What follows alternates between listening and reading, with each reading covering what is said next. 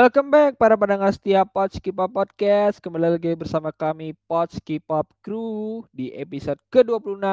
Episode kali ini ada gua Bintang dan teman gua Kupur. Halo Pur. Halo. Dan selain Halo. itu ada juga Gamal. Halo, ketemu lagi. Dan alhamdulillahnya di minggu ini ya keluarga Pods K-pop Crew mendapatkan kabar gembira di mana salah satu podcaster kami yaitu Arif baru saja mendap baru saja bukan dia melahirkan. Baru saja anak keduanya lahir dari istrinya. Selamat Yeay, selamat. dan mungkin dia akan cuti sementara waktu. Dan ya untuk beberapa minggu depan mungkin akan ka- bersama kami, kami eh, bersama kami bertiga dan mungkin di episode ke-26 ini kami akan membahas khusus mengenai One Piece. Dan sebelum itu mungkin gua akan sedikit memberikan informasi mengenai film-film yang sudah muncul di bioskop. Ada Eternals dan kebetulan gua nonton udah nonton. Mungkin kita akan bahas reviewnya minggu depan ya. Jadi karena Kupur dan Gamal belum nonton. Mau gua spoilerin sedikit gak nih? Kesan dan pesan aja lah gimana, Tang? kesan dan pesannya ya tidak seburuk dari kritik nilai kritik lah menurut gua masih buruk lebih jelek Thor Dark World sih. Oh, sama jadi Justice League. jelek. Justice League mana? Justice League yang Zack Snyder? Ya jelas masih bagus Zack Snyder. Berarti Justice League yang di yang dulunya jelek, lebih jelek. Hmm, ya jelek. Editingnya jelek. Oke mungkin nanti akan kita bahas episode khususnya ya. Karena eh, ini akan banyak eh, spoiler yang keluar dari mulut gua kalau gua bahas sekarang selain itu juga ada Justice League 2 di Red- Netflix. Nih ada Gal Gadot ada Dwayne Johnson dan ada Ryan Reynolds. Ya bukan sebagai Justice Justice League tapi eh, di film Red Notice itu sudah muncul juga di Netflix. Mungkin yang bisa nonton segera nonton. Dan juga ada yang kemarin kalau misalnya belum sempat nonton Shang-Chi di bioskop itu sudah ada di Disney Plus juga. Selain Shang-Chi juga ada Jungle Cruise juga sih. Jadi kalian bisa langsung nonton di streaming service kalian masing-masing Itu Dan cepetan nggak menurut sih, Tang? nah itu gam. Menurut gue nih cepet banget loh. Nih Shang-Chi kan gue sendiri di bioskop tuh baru nonton eh kita ya baru nonton dua minggu tiga minggu lalu yang lalu lah ya. Gue udah lama kayaknya, sebulanan. ya maksudnya masih dalam waktu dekat ya tapi Iya, tiba-tiba tapi sudah muncul di Disney Plus. Apakah ini strategi baru dari Disney? Ketika sudah eh, nggak rilis di bioskop langsung ya secara internasional sudah tidak keluar lagi langsung dikeluarkan ke Disney Plus ya mungkin untuk Tapi di mengejar- XX1 bukannya masih ada kayaknya ya? Masih ada beberapa. Iya, masih ada juga. oh masih ada kah Mm-mm. ya Itu mungkin tahu ya, itu. itunya deh kayak kita lihat theatrical window-nya berubah mungkin ya. ya karena sekarang sudah ada Eternal juga ya jadi mungkin bukan jadi fokus utama lagi untuk meraup eh, pasar Shang-Chi di bioskop jadi mungkin ya sekedar eh, dirilis saja ke Disney Plus itu menjadi strategi mereka ya anyway mungkin kita langsung selain eh, ini ya karena kita sedang membahas tentang film jadi kebetulan lagi ada yang happening juga nih di dunia maya kemarin yang sangat heboh sih nggak tahu ya sangat 45. heboh sangat heboh atau enggak ya tapi gue sendiri sangat hype eh, mendengar berita ini di mana kita mendapatkan mendapatkan informasi tentang cast dari live action One Piece yang ada di Netflix. Wow. Dah, dari jadi eh, di sini sudah ada pengumuman castnya lima cast utama karena ini mengambil cerita di eh, Romance Dawn ya. Jadi cerita awal One Piece. Di sini kita mendapatkan lima pemeran utama dari Luffy, dari Nami, dari Sanji, dari Zoro, dan dari Usopp.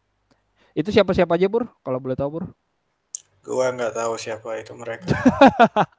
Maksud gue sebutin siapa aja orangnya. oh iya ya. Tunggu kalau misalnya di pemeran si Luffy itu Inaki Godoy ya kalau nggak salah namanya. Inyaki bacanya. Inaki Godoy. Untuk pemeran Nami Emily Rudd ya. Emily. Rudd. Saudaranya Paul Rudd. Paul Rudd. Terus pemerannya Zoro, Makenyu, eh, pemerannya Sanji, Tas Skyler, dan pemerannya Usopp, gue lupa. eh, Jacob. Jacob, Jacob sesuatu sih gue Jacob, Jacob Gordon-Levitt. Jacob, Jacob Romero Gibson. Jacob Romero Gibson. Ya. Dan kalau dilihat memang mereka, ya misalkan kalau di dalam ceritanya One Piece sendiri sih Oda sempat bilang bahwa kalau di kehidupan ya di dunia kita masing-masing karakter tersebut, ada etnisiti atau nasionalitasnya yang sendiri ya dan Iya, kayak Luffy orang Brazil gitu, terus iya orang Jepang. betul dan pemerannya sih ya memang ya mengikuti pola itu ya bahkan si Iya. Ini juga meskipun bukan orang Brazil tapi dia sebenarnya orang orang Latinos kan. Latinos. Latinos kalau makanya emang orang Jepang ya makanya orang Emang orang Jepang Jepang. Itu BTW yang main Samurai X loh dia, jadi apa Yang dia? jadi ini sih. yang jadi Enishi. Oh, oke Ya, jadi skill pedangnya udah nggak diragukan lagi lah ya. Ya lah, bisa lah nambah jadi pedangnya tiga. Tapi menarik kayak lu bilang tadi Pur, eh, kalau ini mengikuti nationality dari ini ya yang dibilang Oda Apa ya. yang Tapi dibilang Oda? Apa yang dibilang Oda? Tapi kalau bisa gue lihat ini cuma satu aja yang sama ya. Cuman si yang eh, Mekenyu. Mekenyu aja ya. Yang lainnya tadi memang nggak ya sama sih. nggak Ya sama tadi memang ya Lat- Latinos eh, apa namanya yang Inaki Godoy eh, Meksiko, Meksiko lah ya. Meksiko masih etnisitinya ada deket-deket dikit dari Brazil tapi Ya masa dari Brazil mau Neymar juga kan nggak mungkin. Iya. tapi terus yang kalau Nami Nami dari Swedish ya eh Swedia kan harusnya Hmm. orang Swedish tapi mungkin cari aktor eh, aktris Swe- Swedish susah masa suruh Rebecca Rebecca Ferguson buat jadiin Nami kan udah terlalu tua ya? Atau terus yang ini Sanji kan juga sebenarnya dari France ya? Inggrisnya kayaknya. Eh France ya? Sanjinya sendiri kan dari France tapi pemerannya itu dari orang UK ya. Iya. Ya memang nggak nggak nggak semudah itu juga cari aktor yang cocok untuk memerankan karakter eh, yang karakter yang kita cintai ini. Tapi dari yang gua lihat dari video video announcementnya ini gua ngerasa mendapatkan aura-aura yang cocok dari kelima aktor ini gimana menurut kalian Gam Nah kalau gua Sanjinya kayak agak kurang cocok sih, lebih mirip Frankie malah mukanya Sanji itu. bukan mirip Gun Enel ya karena dia karena dia mirip Iya, Eminem dia, dulu dia kan mirip Eminem Eminem pernah di benar. Dia mirip, iya, dia mirip Eminem sih sebenarnya sih. Tapi ya dia kan belum pakai belum pakai ya pasti bakal pakai wig kan atau dipanjangin rambutnya kan. Ya mungkin akan berubah atau ya nanti Dagunya sih, rambut dagunya tuh cocok dibikin tiga gitu kayak. dibikin anjir, kayak Frankie masuk Kayak Frankie. Frankie post time skip ya masih lama tuh kayaknya tuh Frankie. Ya ini ini ini ini aja ceritanya baru akan baru sampai masuk Grand Line kayaknya ya. Ya betul, sudah dikonfirmasi. Ini kan season 1 ya. Season 1 itu cuma sampai Romance Down, ya maksudnya di cuma sampai yang masuk Grand eh, Grand Line. Jadi masih nanti mungkin ada bakal ada kalau sukses bakal ada pengembangannya ke season season selanjutnya. Ya dan kita lihat aja nanti aktor list aktor yang dipilih. Kalau dari fancast sebenarnya udah banyak banget tuh untuk memerankan peran-peran lainnya kayak contohnya yang memerankan si ini Kobe itu eh, fan itu milih Atta Halilintar untuk memerankan. terus yang terus yang jadi low itu Denny Cagur itu udah sebenarnya udah mirip banget Ada yang agak kelewatan sih. apa tuh Yang jadi chopper tuh Ucok Baba. wah kacau kacau ya sebenarnya Ya, macam itu nanti apa gimana ya kalau chopper kayak gitu. ya mungkin bakal CGI. jadi si full CGI ya karena itu nggak bisa diperankan oleh siapa pun gitu tapi yang bisa kita lihat tadi kan kayak gue bilang ini kalau menurut gua eh kalau menurut kalian yang paling cocok dari lima case ini yang benar-benar mendekati aslinya itu siapa? Kalau gue sih melihat dari ada udah ada banyak editan kan ya dari di dunia maya itu. Menurut gue paling mirip itu Nami loh. Kalau dari editing yang sudah muncul di dunia maya. Gua Eh, Usop sih, si Usopnya mirip ya banget. Nami sama Usopp sih. itu udah Kalau si Zoro-nya ya sulit sih soalnya, soalnya Zoro itu kan mukanya juga nggak ada fitur yang ya maksudnya nggak ada fitur yang khususnya menurut gue ya mukanya Zoro ya. Jadi ya asal dikasih rambut hijau udah ya udah aja ya Zoro. Kalau kayak Sanji emang ada fitur ya eyebrows-nya terus itunya kan yang lebih khas kan. Dan kalau Usopp ya memang rambutnya kan rambutnya sih ya kalau hidungnya ya nggak mungkin ada orang hidung yang kayak kayak jarum pentul gitu nggak ada kan jadi Harum bentul tapi ya emang Nami ya emang ya karena warnanya juga rambut berambut merah juga kan jadi ya dan sudah pendek rambutnya jadi kayak ya. basically cocok gitu loh. Mm, kayak dilihat di Instagramnya itu banyak sudah banyak eh, foreshadowing sebenarnya eh, dia tuh kayak jadi Nami. Karena banyak dia banyak ke post foto di mana rambutnya itu pendek dan sudah berwarna orange. Jadi Pamer dan ya? ternyata cocok. Ya mungkin bagian itunya nggak cocok kali ya. Ya, Ah, tapi pas ya sebelum sebelum ini ya, sebelum time skip kan memang dasarnya nggak terlalu menonjol. Apa? Apa? apanya? Apanya Rambutnya. Ya itunya, nanti itu, nanti kalau udah rambutnya, setelah time skip rambutnya. nanti rambutnya jadi panjang. gitu. Iya, iya betul betul betul. Dan tapi ya bes- eh, kembali lagi ya, selama ini kita ngelihat film live action yang diadaptasi dari manga atau anime itu anime itu belum ada yang sukses sih. Cuman satu yang benar-benar sukses tuh eh, Samurai X, Rurouni Kenshin. Tapi itu juga karena sedikit fantasinya yang muncul di Iya. situ. Gimana menurut lo, Gam? Ya kayak kita udah pernah bahas ya yang terkait ini. Jadi adaptasi Jepang tuh agak susah sih. Kecuali ya emang nggak ada imajinasinya gitu kayak Samurai X. Terus One Piece ini juga kan ya yang salah satu yang dominannya kan komik dari ininya kan, komik dari aktor-aktornya kan yang mukanya berubah jadi apa aneh gitu, terus posturnya jadi gimana, badannya iya. meliuk-liuk gitu. Mm. Agak-agak susah sih kalau eh gue lebih ke nggak tahu apa yang mau dibawa ke adaptasi layar lebarnya kalau dari One Piece ini. Nggak kebayang sih kalau gue. Nah, tapi Soalnya, kalau- Heeh. soalnya kalau ceritanya doang ya nggak nggak segitu wownya jadinya. Oke, dan tapi ini sendiri film ini eh, serial ini sendiri kan sudah di sangat diawasi sendiri sangat diawasi eksklusif oleh Oda ya. Dan itu bisa jadi suatu suatu apa ya? Suatu jaminan kalau cerita ini nggak bakal keluar dari cerita aslinya gitu nggak baru kira-kira Bro? Ya itu kan niat awalnya ya seperti itu ya, tapi ya dulu George R. R. Martin juga ngikutin cerita Game of Thrones dari awal, tapi ya akhirnya berubah juga. Masalah kan kalau film-film kayak gini kan takutnya kalau misalnya nanti bagus, nanti dia bakal nyusul apanya? Bakal nyusul manganya juga, jangan-jangan nanti bikin ending sendiri lagi mereka ya. Ya, Ya. itu katanya sangat jauh lah.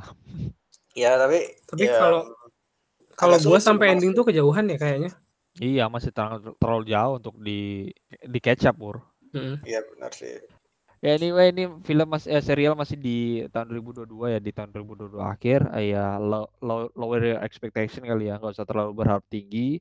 Setidaknya yang bisa kita ambil dari video announcement itu adalah uh, case-nya sangat sangat antusias. Ya kita nggak terlalu terlalu berharap tadi lah seperti gue bilang lower expectation karena film live action banyak yang tidak sukses.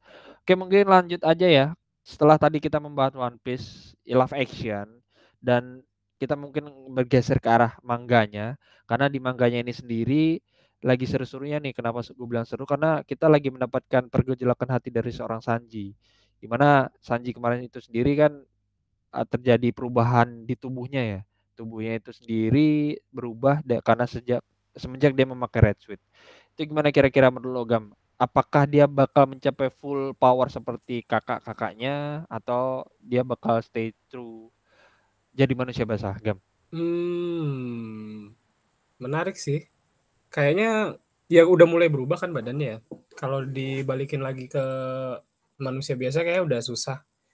Cuman dia tetap stay sama identitasnya dia yang nggak mau mukul cewek itu. Jadi ya dia berusaha sekuatnya supaya tidak berubah terlalu jauh kayaknya. Cuma badannya udah udah jadi cyborg juga sih kayaknya. Nah, tapi di di chapter terbaru yang kita baca kemarin ya, Hmm. kan ada dia disalahin karena tiba-tiba ada cewek yang tergeletak di situ kan, udah terluka dan Sanji nggak sadar. Kata orang-orang, kata orang-orang di apa namanya teman-temannya itu kan dibilang kamu yang mukul dia gitu kan, tapi Sanji nggak sadar sudah memukul gitu kan. Iya. Itu gimana kira-kira tuh? Apakah dia benar-benar jadi heartless eh, heartless soldier seperti judulnya, judul chapter sekarang ini atau bagaimana? Kayaknya dia emang hilang kesadaran di di situ tuh sampai ya sampai dia nggak sadar mukul entah mukul entah emang ngamuk aja biasa.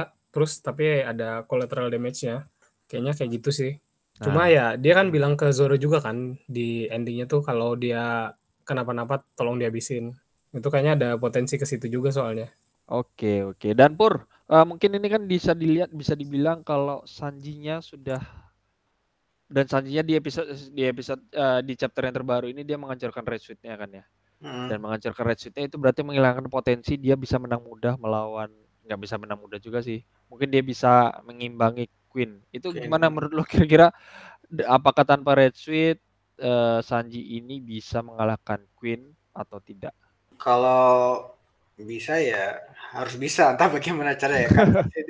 Tapi kan uh, intinya kan dia bahkan dia takut akan berubah lebih lagi menjadi seperti saudaranya ya. Dan dia benar-benar ingin menggunakan kekuatan yang yang yang dari dia sendiri dulu lah untuk melawannya ya. Dia juga sebenarnya kan sebelumnya nggak tahu juga dia pakai red suit bakal jadi seperti itu kan. Dia kira ya pakai baju ya udah pakai kostum aja gitu kan. Uh, dia juga nggak tahu juga bakal merubah dirinya kalau misalnya dia tahu dari awal bakal merubah dirinya pasti dia nggak akan pernah menurut gue sih dia nggak nggak akan pernah menggunakan red suitnya itu sih tapi ya hmm, untuk yeah. bagaimana yeah, yeah. cara dia nanti melawan Queen ya ya ya dia ya pasti bisa kita aku belum tahu sih nanti bakal seperti apa dia melawannya tapi ya mungkin dia menggunakan semangatnya membara. Ya, itu aja sih kan. Ya, karena pada... kenapa kenapa kakinya bisa kebakar? Ya itu dia kan karena semangat dia yang membara. Ya itu aja.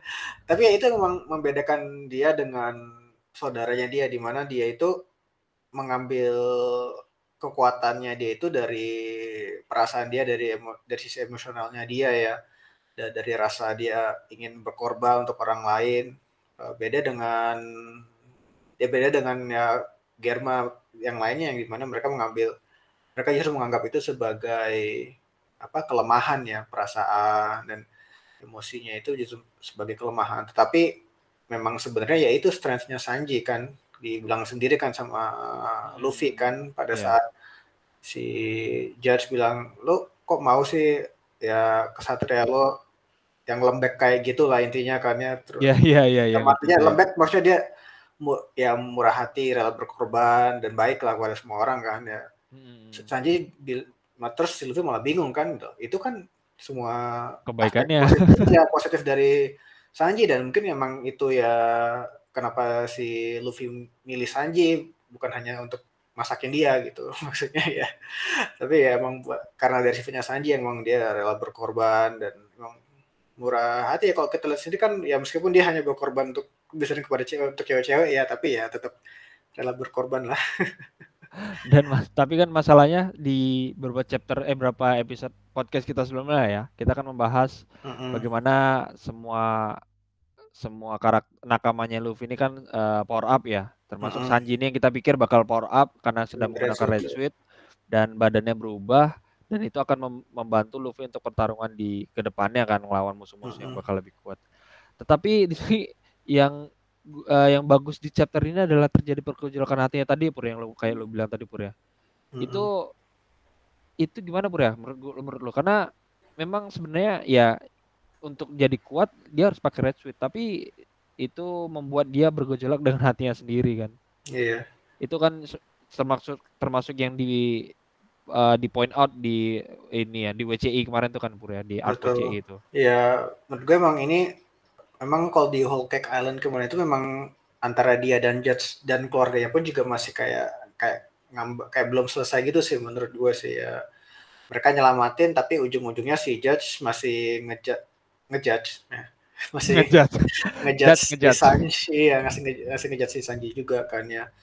Dan ya buktinya dia masih menerima juga hadiah dari Germania tapi dengan ini ya benar-benar dia udah ya udah teguh lah dengan pendiriannya dia tidak akan menjadi seperti Germa ya meskipun dan dia benar-benar mending dia mati aja daripada dia menjadi yang seseorang yang bukan dia sendirinya. Dan emang itulah yang si Sanji kan emang dia sejauh ini yang pendirian dia paling teguh sampai mungkin di, di luar nalar ya logis kita ya. Kalau misalnya ya contohnya kalau misalnya ada musuh ya meskipun cewek ya diajar juga ya, diajar ya kayak Zoro ya, kan kayak ya, dia iya. nggak ya. ngelihat kayak gitu kan Zoro.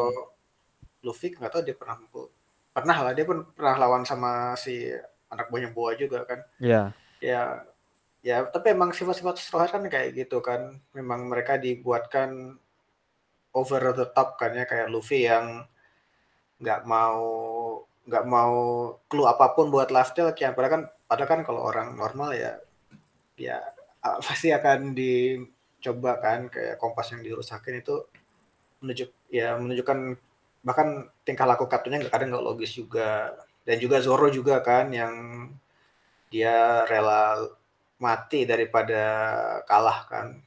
Emang tapi emang gitulah setiap setiap straw hat, straw hat itu sifatnya yang dibikin larger than life lah. Namanya juga ya, komik. ya.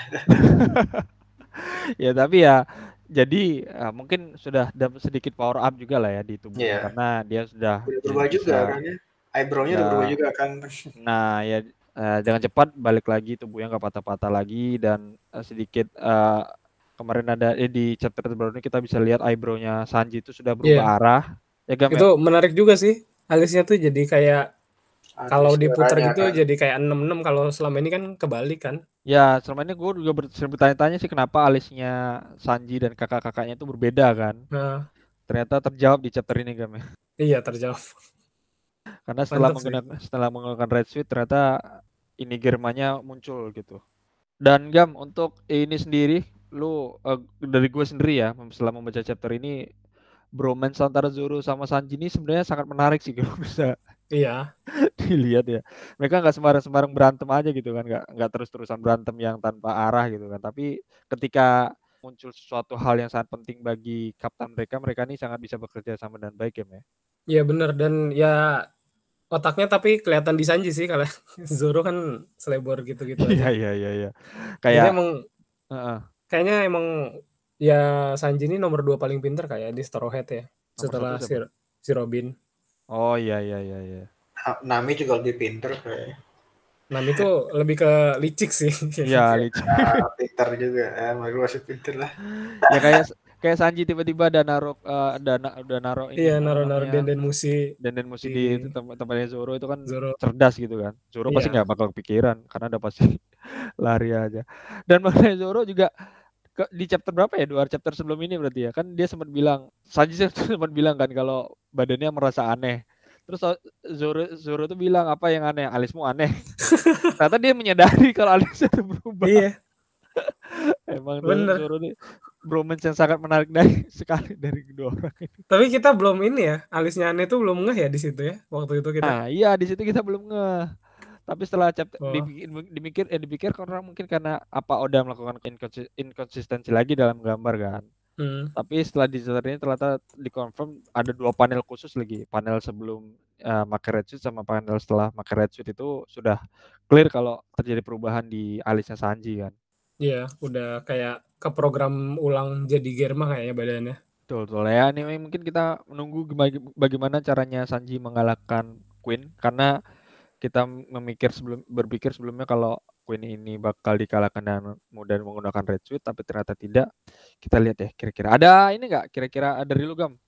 Kira-kira gimana Sanji bisa mengalahkan Queen nih? Ya kayaknya kekuatan cyborgnya masih cinta. ada ya. Kekuatan cinta Ke bukan. Enggak, kekuatan cyborgnya masih ada sih. Biarpun dia nggak pakai red suit lagi dan tapi dia bisa ngandalin kekuatan itu. Oke, oke. Dan dengan dengan Sanji seperti itu apakah tim nanti mungkin tiba-tiba Germa muncul beri uh, ikut uh, ke pestanya di pesta di Wano ini atau tidak? Bisa jadi juga kan ya? Bisa jadi juga sih. Ya anyway kita tunggu chapter selanjutnya di chapter ini.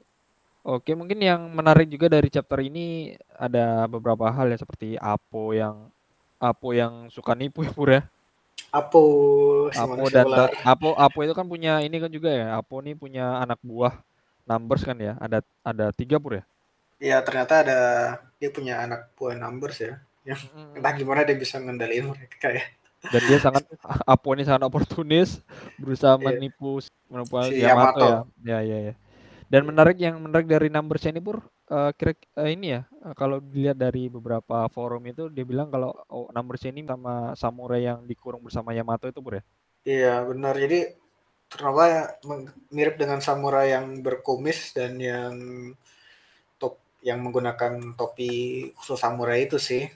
Nah yang satunya hmm. lagi harusnya kan satu lagi kan si apa tuh Shima Shimotsuki Shimotsuki Shimaru Hiroshima Sumaru kan ya tapi itu dia yang paling nggak nggak mirip sih dengan bentuk kalau memang itu dia itu di benda bentuk uh, numbersnya ya. Tapi yang responsif terhadap kehadirannya Yamato memang cuma si itu sih si si numbers yang kita asumsikan uh, si Motsuki ya. Mungkin ada DNA-nya atau mungkin emang dia yang diubah jadi raksasa kan. Soalnya kan emang kalau anak ya kan contoh kayak yang di Park Hazard itu kan emang banyak anak-anak yang jadi besar jadi, ya kan? jadi besar kan pakai obat jadi yang besar, apa ya? betul jadi apakah um, numbers itu adalah produk yang berhasilnya dan anak-anak itu produk gagalnya atau mungkin yang justru anak-anaknya itu yang produk apa produk hasilnya kan mereka menjadi raksasa tanpa kehilangan kehilangan kesadaran mereka kesadaran ya betul karena kalau yang numbers ini kan mereka nggak bisa kalau yang anak-anak di Panghazard tuh masih sadar ya tadi pun ya, kesadaran masih bisa ngomong ya. masih bisa ngomong bahasa manusia lah ya sedangkan hmm. yang numbers ini kan cuma bisa ngomong sesuai nama mereka kan ya iya betul dan jadi menarik juga jangan-jangan itu yang dulu numbers yang mirip Nukamanya itu si siapa si Ivanka emang, emang dulunya anggota Nukama anggotanya Ivanka juga mungkin iya, kan, iya, iya, iya. yang rambutnya potong mungkin apa cangkep ya, anak-anak yang di Panghazard itu adalah hasil gimana cara membesarkan badannya. Betul. Tapi mungkin yang number sekarang ini sudah uh, ya itu kan dibilang eksperimen gitu ya. gagal kan? Ya, ya. betul. Oh, awal-awal tuh. Mungkin uh, selain itu yang menarik juga ada Big Mom lawan Kid versus Law. Itu juga sebenarnya kita pikir Big Mom bakal luka parah. Ternyata nggak ada luka sama ya lukanya ada luka karena dia ada. bilang sendiri ini luka pertama yang dia dapatkan setelah uh, pertarungan yang selama ini dia ya, lewati berpuluhan tahun lah ya tapi akhirnya ya tetap aja Kid sama Law udah kehabisan tenaga ya dan si Big Mom udah Big ada apa? Masih ada kartu as lagi dia. Iya, kartu as iya. lagi dia ngambil jiwa-jiwa di sekitar dia. Dan dia juga memakan sisanya satu tahunnya. Iya, lifespan dia. Ini jadi ini sih menurut gua bakal teori di mana orang-orang bakal apa namanya ya setidaknya reinforcement lah dari Germa atau dari Navy muncul di Wano jadi lebih besar nih karena udah makin tersudut ya uh, Straw Hat uh, Alliance nih. Iya benar sih ya kan masih ada teori yang bilang nanti ini sebenarnya nanti ya di akhir Onigashima ini mereka nggak menang, belum menang gitu. Mereka bakal ya bakal kalah lagi, bakal kalah sebelum hmm. mereka back back apa namanya sebelum naik sebelum melawan lagi soalnya kan kalau di arc-nya Kabuki memang sampai ini kan baru arc ketiga kan ya uh, arc ketiga dari ya, betul. Uh, arc ketiga. Kabuki itu biasanya act ketiga itu ditutupi dengan suatu tragedi atau kekalahan yang besar gitu. Dan kita kira kan tadi kan oh apakah pas kabarnya mati tapi mereka nggak mati. Iya. ya, jadi tapi, mati. Um, memang pada umumnya act-nya itu lim, uh, lima, jadi tiga itu terjadi kegagalannya dan di empat baru mereka bisa rise up lagi dan lima baru epilognya. Memang kebanyakan lima kalau nggak salah tapi ada juga yang empat. Jadi masih ada berpikir ini kemungkinan besar di act ketika ketiga act tiga selesai ini ya mereka dalam keadaan paling terpuruk lah. Lebih terpuruk dari sekarang. Bisa kalah hmm. atau atau hancur mungkin nanti flower capitalnya benar-benar hancur bisa jadi kan itu berarti ya ya itu kekalahan terbesarnya Luffy kan berarti kan ya sejauh ini ya mereka berhasil terus kan melindungi iya, betul. Dressrosa, melindungi Alas Alabasta, melindungi Skypia dan lain-lainnya. Iya, iya, iya. Um, ya sekarang kalau kemarin kan gagal kegagalannya Fluffy terakhir kan ketika semua anggotanya di uh, diserang sama pasifista kan ya. Sekarang ya mungkin inilah nanti jadi wake up call lagi bahwa mungkin mereka dia nggak bakal bisa, lebih panjang lagi dong. Iya, ya bisa jadi. Karena lebih panjang ini, lagi. Tiga ini sendiri udah hampir setahun nih. Iya. Ya, kan? ya mungkin dia jadi sadar juga dia nggak bisa bergantung dari kru dia juga sebenarnya dia harus dia harus bergantung dari mungkin dari lebih bergantung lagi kepada Grand Fleet-nya lah atau aliansi lainnya, lainnya mungkin ya. ya. Soalnya ya. Tapi kalau kalau menurut gua ada yang lebih oportunis daripada Apu sih di sini Si Drake ya, bukan. Si itu apa? CP0. CP0. Oh iya. Dia kan lagi... udah mulai ya pas mulai bergerak udah, ya. Udah mulai gerak. Uh-huh. Kayaknya lebih chaos lagi sih yang lo bilang itu apa namanya? Like tiga itu Ketiganya. tragedi itu kayak lebih chaos lagi sih ya. Robin diculik lagi ya. Aduh. Waduh. Pemerintah udah mulai join, terus juga si Orochi juga masih Udah. aja itu. Masih ada Masih aja. Kaido belum kalah, Big Mom belum kalah. Ini bakal chaos ini. Udah Chaos. Straw Straw Hat Alliance udah kayak lemah semua gitu kan. Jadi Iya. kayak nggak cuman Straw Hat lawan Kaido doang kan. Iya, banyak. Kayak Royal Rumble banget. Dan Battle ini Royale. Black Blackbeard masih entah di mana tiba-tiba muncul lagi dia di sini. Itu kayak dia lebih opportunis Iya. lagi tuh. itu itu paling Iya. oportunis itu mah. Atau jangan-jangan Apu ini anggotanya Blackbird ya? Iya bisa jadi kan ada 10 kan kaptennya kan dia masih ada kurang satu sebenarnya yang belum Iya. disebut. Ya. itu masih berarti kita akan masih menung Aquano ini dalam setahun ke depan lah ya. Kayaknya bakal selesai akhir tahun nih. Act 3 selesai di akhir tahun. Akhir tahun depan. Enggak, inilah. Enggak segitunya juga. I- Ini kan lagi break nih dia. Ini lihat Iya, aja, iya, dia iya, langsung tiga, langsung empat minggu dia ker- eh, Digas. rilis terus ya. Oh ya kak, eh Natal pasti libur ya. Ya, kita nikmati lagi kita bisa. Iya. Oke, mungkin kita udah bahas panjang lebar eh, untuk One Piece di episode kali ini. Mungkin eh, episode eh, mendatang kita akan bahas tentang Eternals ya. Oke, mungkin kita sudah dulu untuk episode kali ini, episode yang khusus membahas tentang One Piece dari live actionnya tadi sampai pembahasan terbaru tentang chapter yang 1031 Hmm. dan kita ketemu lagi di episode mendatang. Mudah-mudahan kita sudah bisa membahas tentang Eternals. See you, bye bye.